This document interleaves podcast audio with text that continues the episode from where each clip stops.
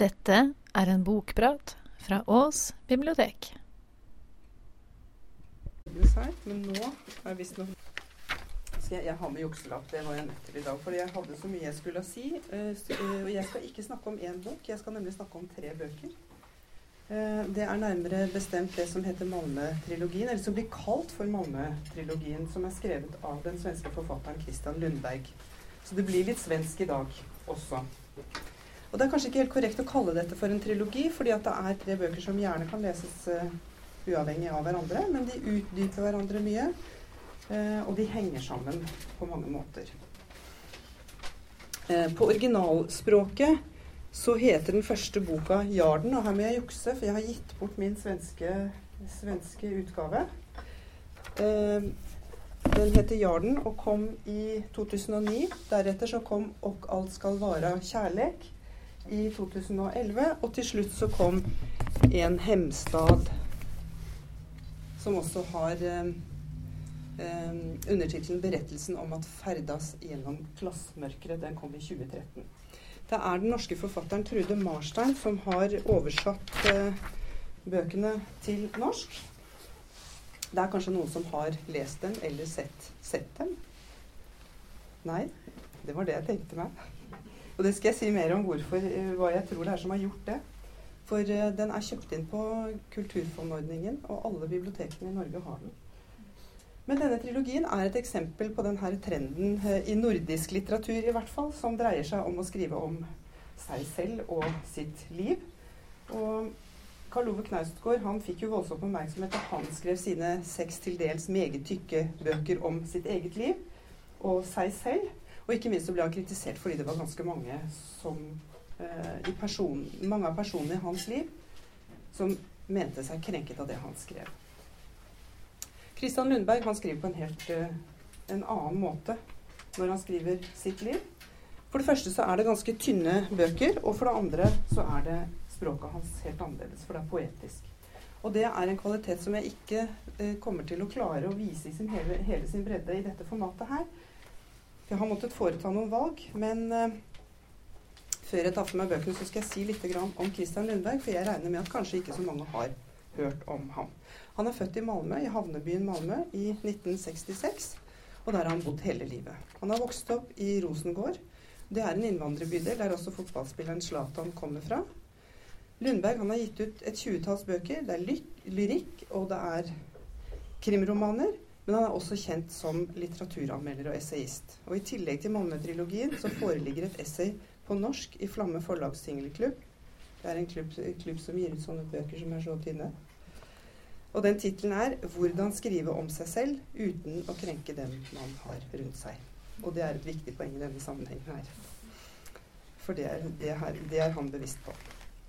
Men jeg skal starte med utseendet. Jarden, den første boka, dette her er sånn den ser ut på svensk. Og den er ganske mørk, og det er nesten ikke mulig å se hva det er, men vi ser iallfall at det er mørkt, og så står det en slags kran her, og det er et ganske sånn dystert og dystopisk uh, bilde, synes i hvert fall jeg. Mens den norske utgaven, den ser sånn ut. Og Første gangen jeg så den komme til biblioteket, så tenkte jeg bare ja, ja, hva er det? Og så stilte vi den bort i hyllen det er um, Uttrykkene er veldig veldig forskjellige, særlig for dette her litt sånn naivt. Og så er det Vi ser det er en pall, og vi ser det er en eske. Og så ser vi i grunnen ikke så veldig mye mer. Så forventningene til de to blir jo naturligvis veldig ulike. Den norske den er designet av det, de kuleste gutta i designerklassen, de som heter Jokoland. Og de har også designet de tre andre eh, omslagene som, på, som vi skal se på etterpå. Og det norske utseendet tror jeg er en av grunnene til at den faktisk ikke har blitt lånt ut så veldig mye, at den ikke har sydd så veldig, og at den har blitt en slags hyllevarme på bibliotekene. Men markedsføringen, i den grad det har vært markedsføring av boka, så har den hatt fokus på fortellingen om Christian Lundberg og hans omvendte klassereise. Dette her er Christian Lundbergs beretning om Christian Lundberg. Det er det ikke noe tvil om. Men, øh, og utgangspunktet er at etter at han anmeldte en bok som ikke fantes, så mistet han jobben som litteraturkritiker, og skriveoppdragene de skrumpet inn.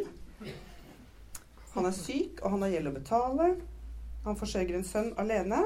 Og løsningen hans, det er da å gå inn i ufaglært arbeid. Og det er arbeid som han kjenner fra yngre dager. Forskjellen er bare det at det er ingenting som er som da. Han begynner å skrive om livet til arbeidskameratene og arbeidet i denne havnearbeidsplassen med navnet Jarden. Og der opplever han overvåking, kontroll, hierarki og undertrykkelse. Det er hverdagskost der. Det er lett å få jobb, men det er enda lettere å miste den. Arbeidskameratene de er innvandrere, med og uten papirer, med og uten utdanning, og med vekslende språkkunnskaper. Kort sagt et filleproletariat som ikke eier noen ting. Men undertrykkelsen forener dem. Den enes død er ofte den andres brød. Men eller og de driver ikke med klassekamp.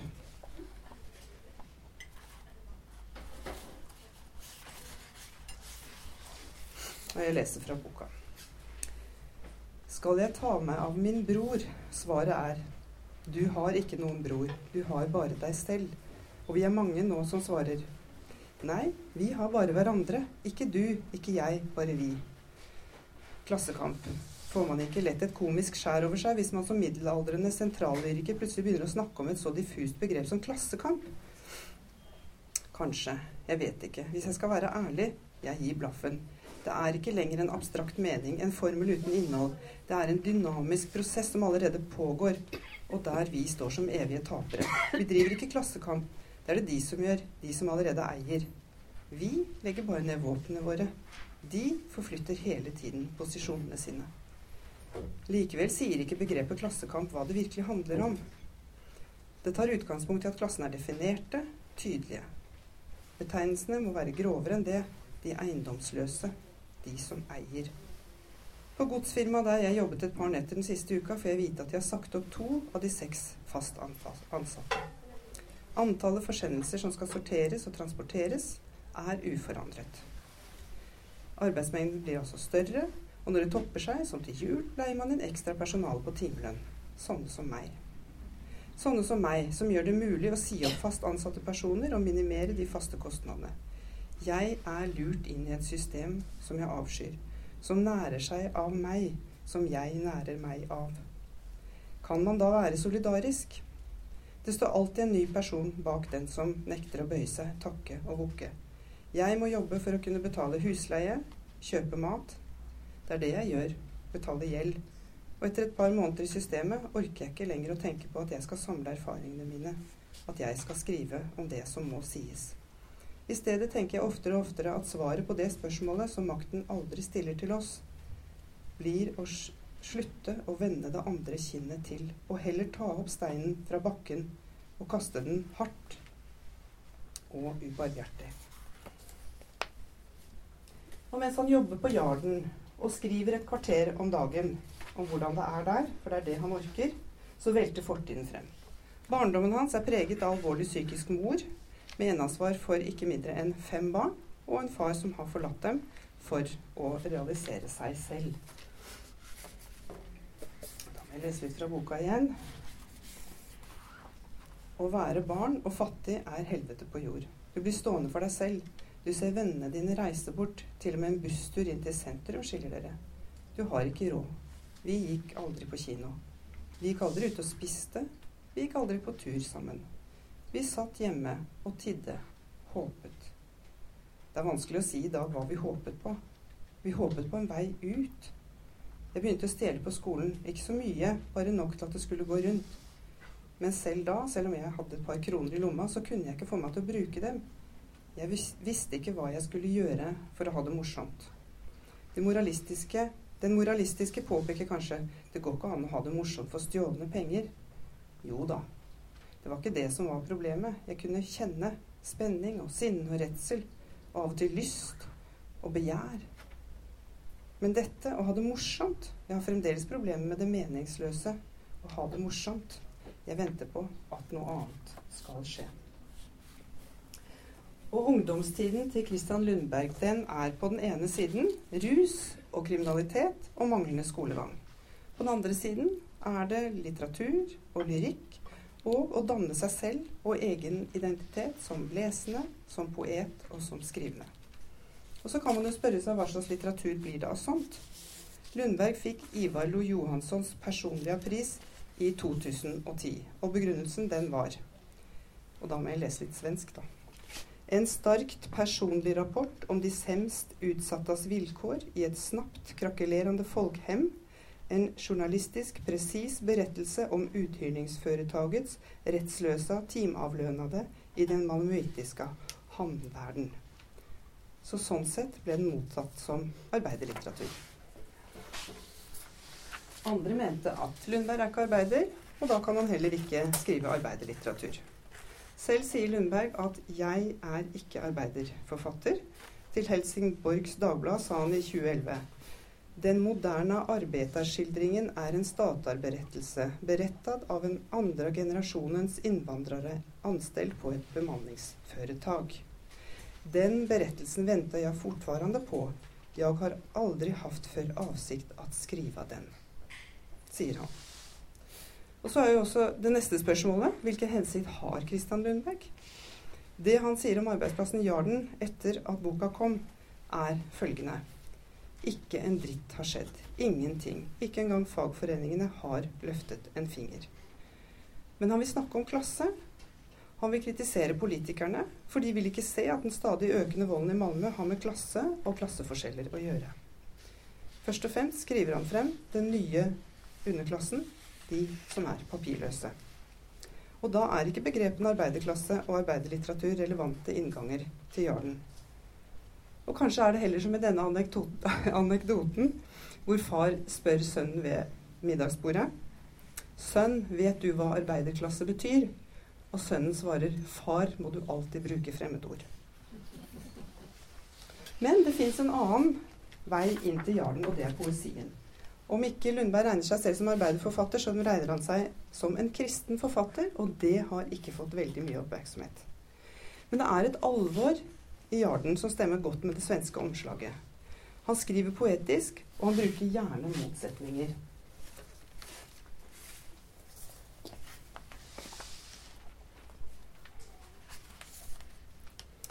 At jeg ikke vet hvor jeg skal.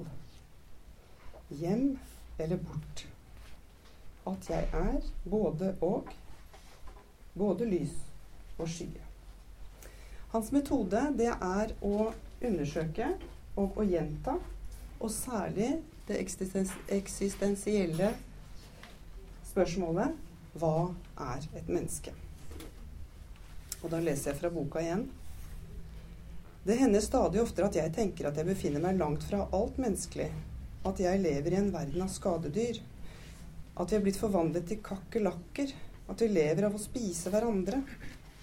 Andre dager tenker jeg at akkurat her, på dette anonyme og avhumaniserte stedet, finnes jeg midt i selve kjernen.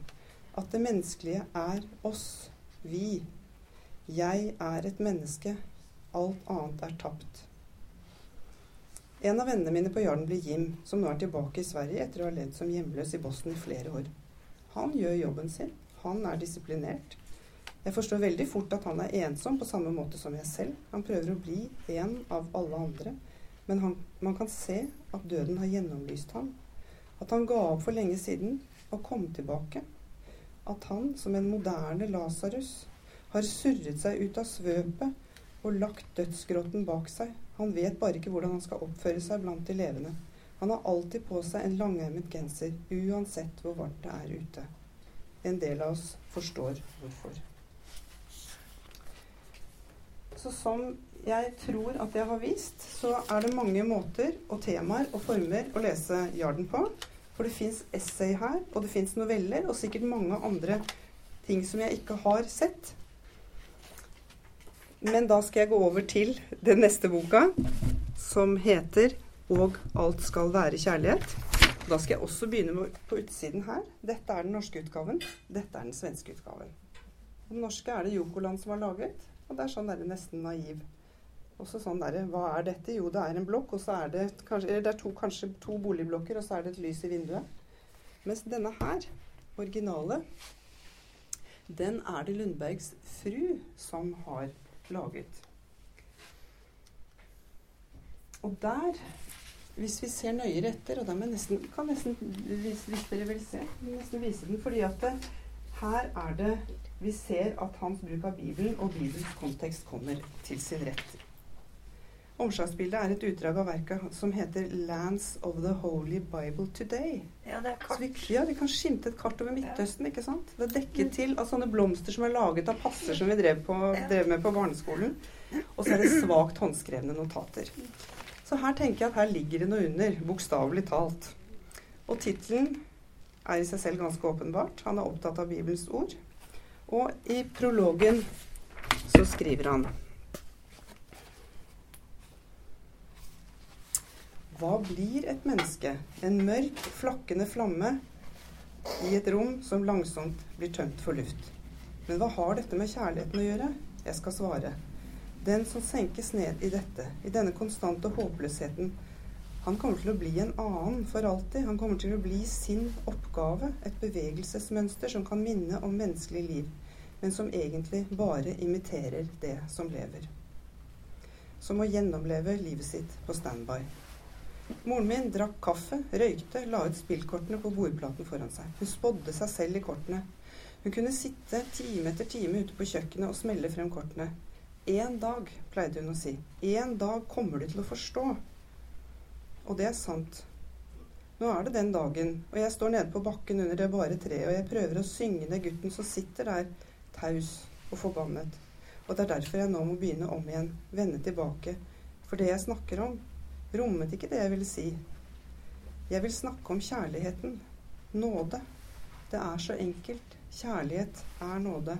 Kjærligheten er ubegripelig. Det andre, sykdom, grådighet, redsel, det er så banalt, så enkelt å forstå og forklare, og til og med å tilgi. Men å elske og bli elsket, det blir bare ubegripelig. Lundberg utelot noe vesentlig da han skrev Jarlen. Da han jobbet der, traff han igjen ungdomskjæresten K. Hun forlot ham for nesten 20 år siden. Og dette er, og det er ikke en kjærlighetshistorie. Det er ikke en kronologisk fortelling, men det er heller en undersøkelse av kjærligheten og dens vesen. Den handler om å finne tilbake til hverandre og forsøke å reparere noe som er ødelagt. Og han skriver kjærligheten er ikke forsonende. Den gjør alt både enkelt og komplisert i samme åndedrag. Og livet og samfunnet det kan ikke tuftes på to som kjærlighet alene, for kjærligheten rommer mye mer enn det. Og Morgenbladets kritikk av boka hadde overskriften som kanskje sier alt. Og det er nemlig følgende ikke 'og alt skal være kjærlighet', men 'og alt skal være politikk'. Så sånn sett er boka egentlig ikke en fortsettelse av Jarlen. Den er heller en utdyping eller en grundigere undersøkelse. For også den har mange lag og mange temaer, som det selvfølgelig ikke er plass til her. Men Lundberg har i hvert fall ikke glemt hvor han kommer fra. Rosengård, der det store flertallet kommer fra et utall steder på jorden, og arbeidsløsheten og kriminaliteten er høy. Han har ikke glemt barndomstiden, heller ikke ungdomstiden. Og han har Jarden og de han jobber sammen med der, og uretten der, med seg videre. Stedet der han lærte at han ikke var et menneske. Nå må jeg bla i riktig bok, da.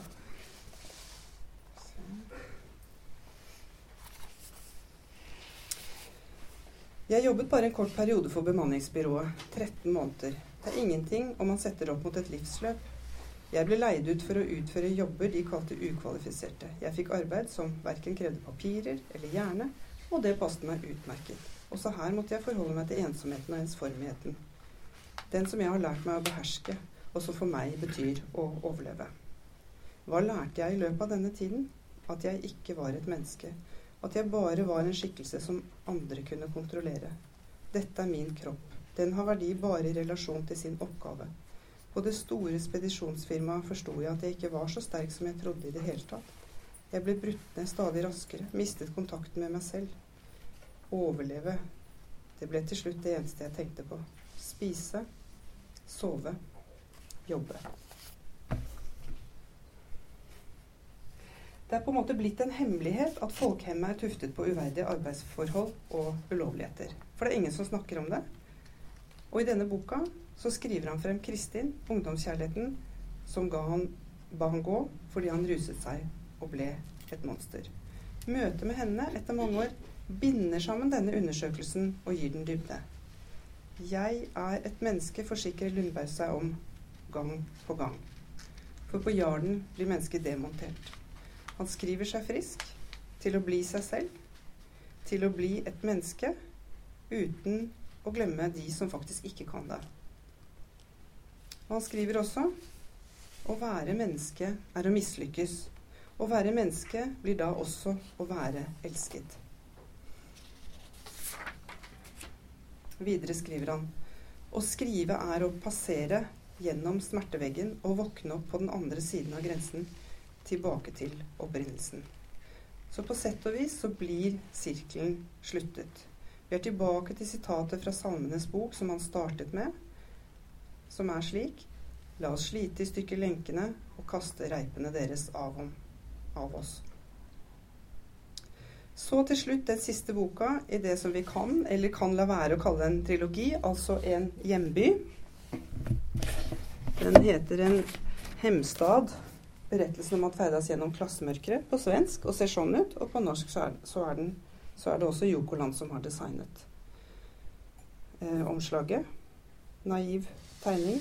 Det kan se ut som det er noen moderne bygninger og en buss. Men denne her er helt annerledes. For det første så har den med undertittelen 'Berettelsen om at ferdas gjennom klassmørket', som man har utelatt på norsk. Og for det andre så er det en blanding av gamle eh, murvegger og nyere urbane bygninger. Så det er sånn urbaniteten som er gammel, og som er ny. Sånn som jeg ser det, i hvert fall. Uansett så blir de, blir de veldig ulike. En hjemby er beretningen om å være en av de siste overlevende fra kameratgjengen som har vokst opp i Malmö. For det er sånn at rus og mishandling det har krevd mange av livene. Men hver del av byen, hver gate, hvert år, hvert eneste kulvert og viadukt bærer på Christian Lundbergs historie og vennenes historie, som har delt inn gate for gate for gate og bydel for bydel. Eh, og torg for torg i boka. Kan jeg lese den, ja? Syns det var litt tricky dette her med så mange, altså. Skal vi se Det er et kapittel som heter 'Høstgatan'. Dette er også en fortelling om Malmö. Denne spesielle utsattheten, fattigdommen. Kanskje er det den egentlige fortellingen om Malmö? For hvor er de nå, alle disse skikkelsene som skapte byen, som gikk inn i sine roller og for fram og tilbake mellom boliger og arbeidsplasser, celler og avrusninger, busker og grøntarealer, nattherberger, områder for fylliker, områder for speedhuer, parker og broer. Jeg sier 'Sonny, faren din', og jeg tenker at jeg skal si at jeg så han ligge der på kjøkkengulvet, sparket og slått. Sonny svarer 'Han er syk, han kommer til å dø, vi skal brenne ham'. Han sier selv at han kommer til å eksplodere ettersom han er så gjennomtrukket av alkohol. Et drøyt halvår senere skal Sonny og jeg ligge på den snødekte bakken, den kalde luften, oms det omsluttende mørket. Kirkegården, like ved adressen der jeg kommer til å være, med K, der hjertet mitt en dag kommer til å stanse, bare ta kvelden.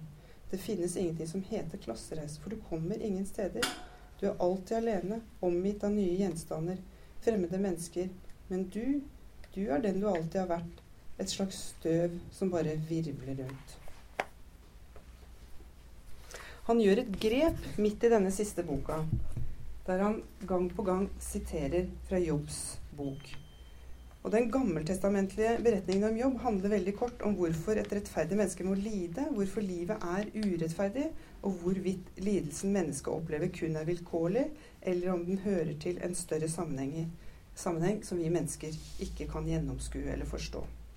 Lundberg tar utgangspunkt i jobb. Det har han også gjort i litteratur tidligere og utdyper og prøver å gjøre opp med de voksne som har mishandlet og neglisjert.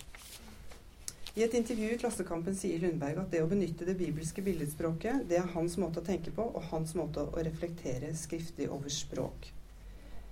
Jeg har også vært veldig opptatt av å ikke la det bibelske språket være et lukket språk. Jeg har virkelig ønsket å åpne det opp og kryssbefrukte det med det som foregår her og nå, sier han. Og videre jeg opplever til dels at jeg har et oppdrag i solidarisk å skildre visse miljøer, innsikter og steder. Men jeg opplever også at jeg må være solidarisk mot Gud, og at Gud i sin tur må være solidarisk mot meg. Og som i de folkelige bevegelsenes barndom må solidariteten bli noe konkret. Ikke sånn at du og jeg blir enige, og så går vi videre og gjør noe annet. Sitat slutt. Helt på tampen skal jeg si noen ting om å lese litteratur fra nabolandet. Jeg har lest bøkene både på norsk og på svensk. Og svensk er veldig lumsk, fordi språkene våre er så like. Men så er ikke landene våre det. Så dermed tenker jeg at kontekst blir veldig viktig. Hva er sammenhengen her? Og hva er forskjellene? Og Forskjellen på Norge og Sverige sosialt og kulturelt, det er i veldig grove trekk at Sverige de har og har, har hatt og har til dels et adelskap. Det har ikke vi. Og innvandringen både fra sørlig og østlig Europa og Asia startet en del tidligere enn her i Norge. Vi lever fett på oljen, men det gjør de ikke i Sverige. Og dermed er det klasse som kanskje er det mest fremtredende som problemstilling enn det vi er vant med. Men jeg syns når jeg leste bøkene på svensk, og for så vidt også på norsk, så er jeg i Sverige når jeg leser. Og der fins det en virkelighet som iallfall ikke jeg kan overse. Takk for meg.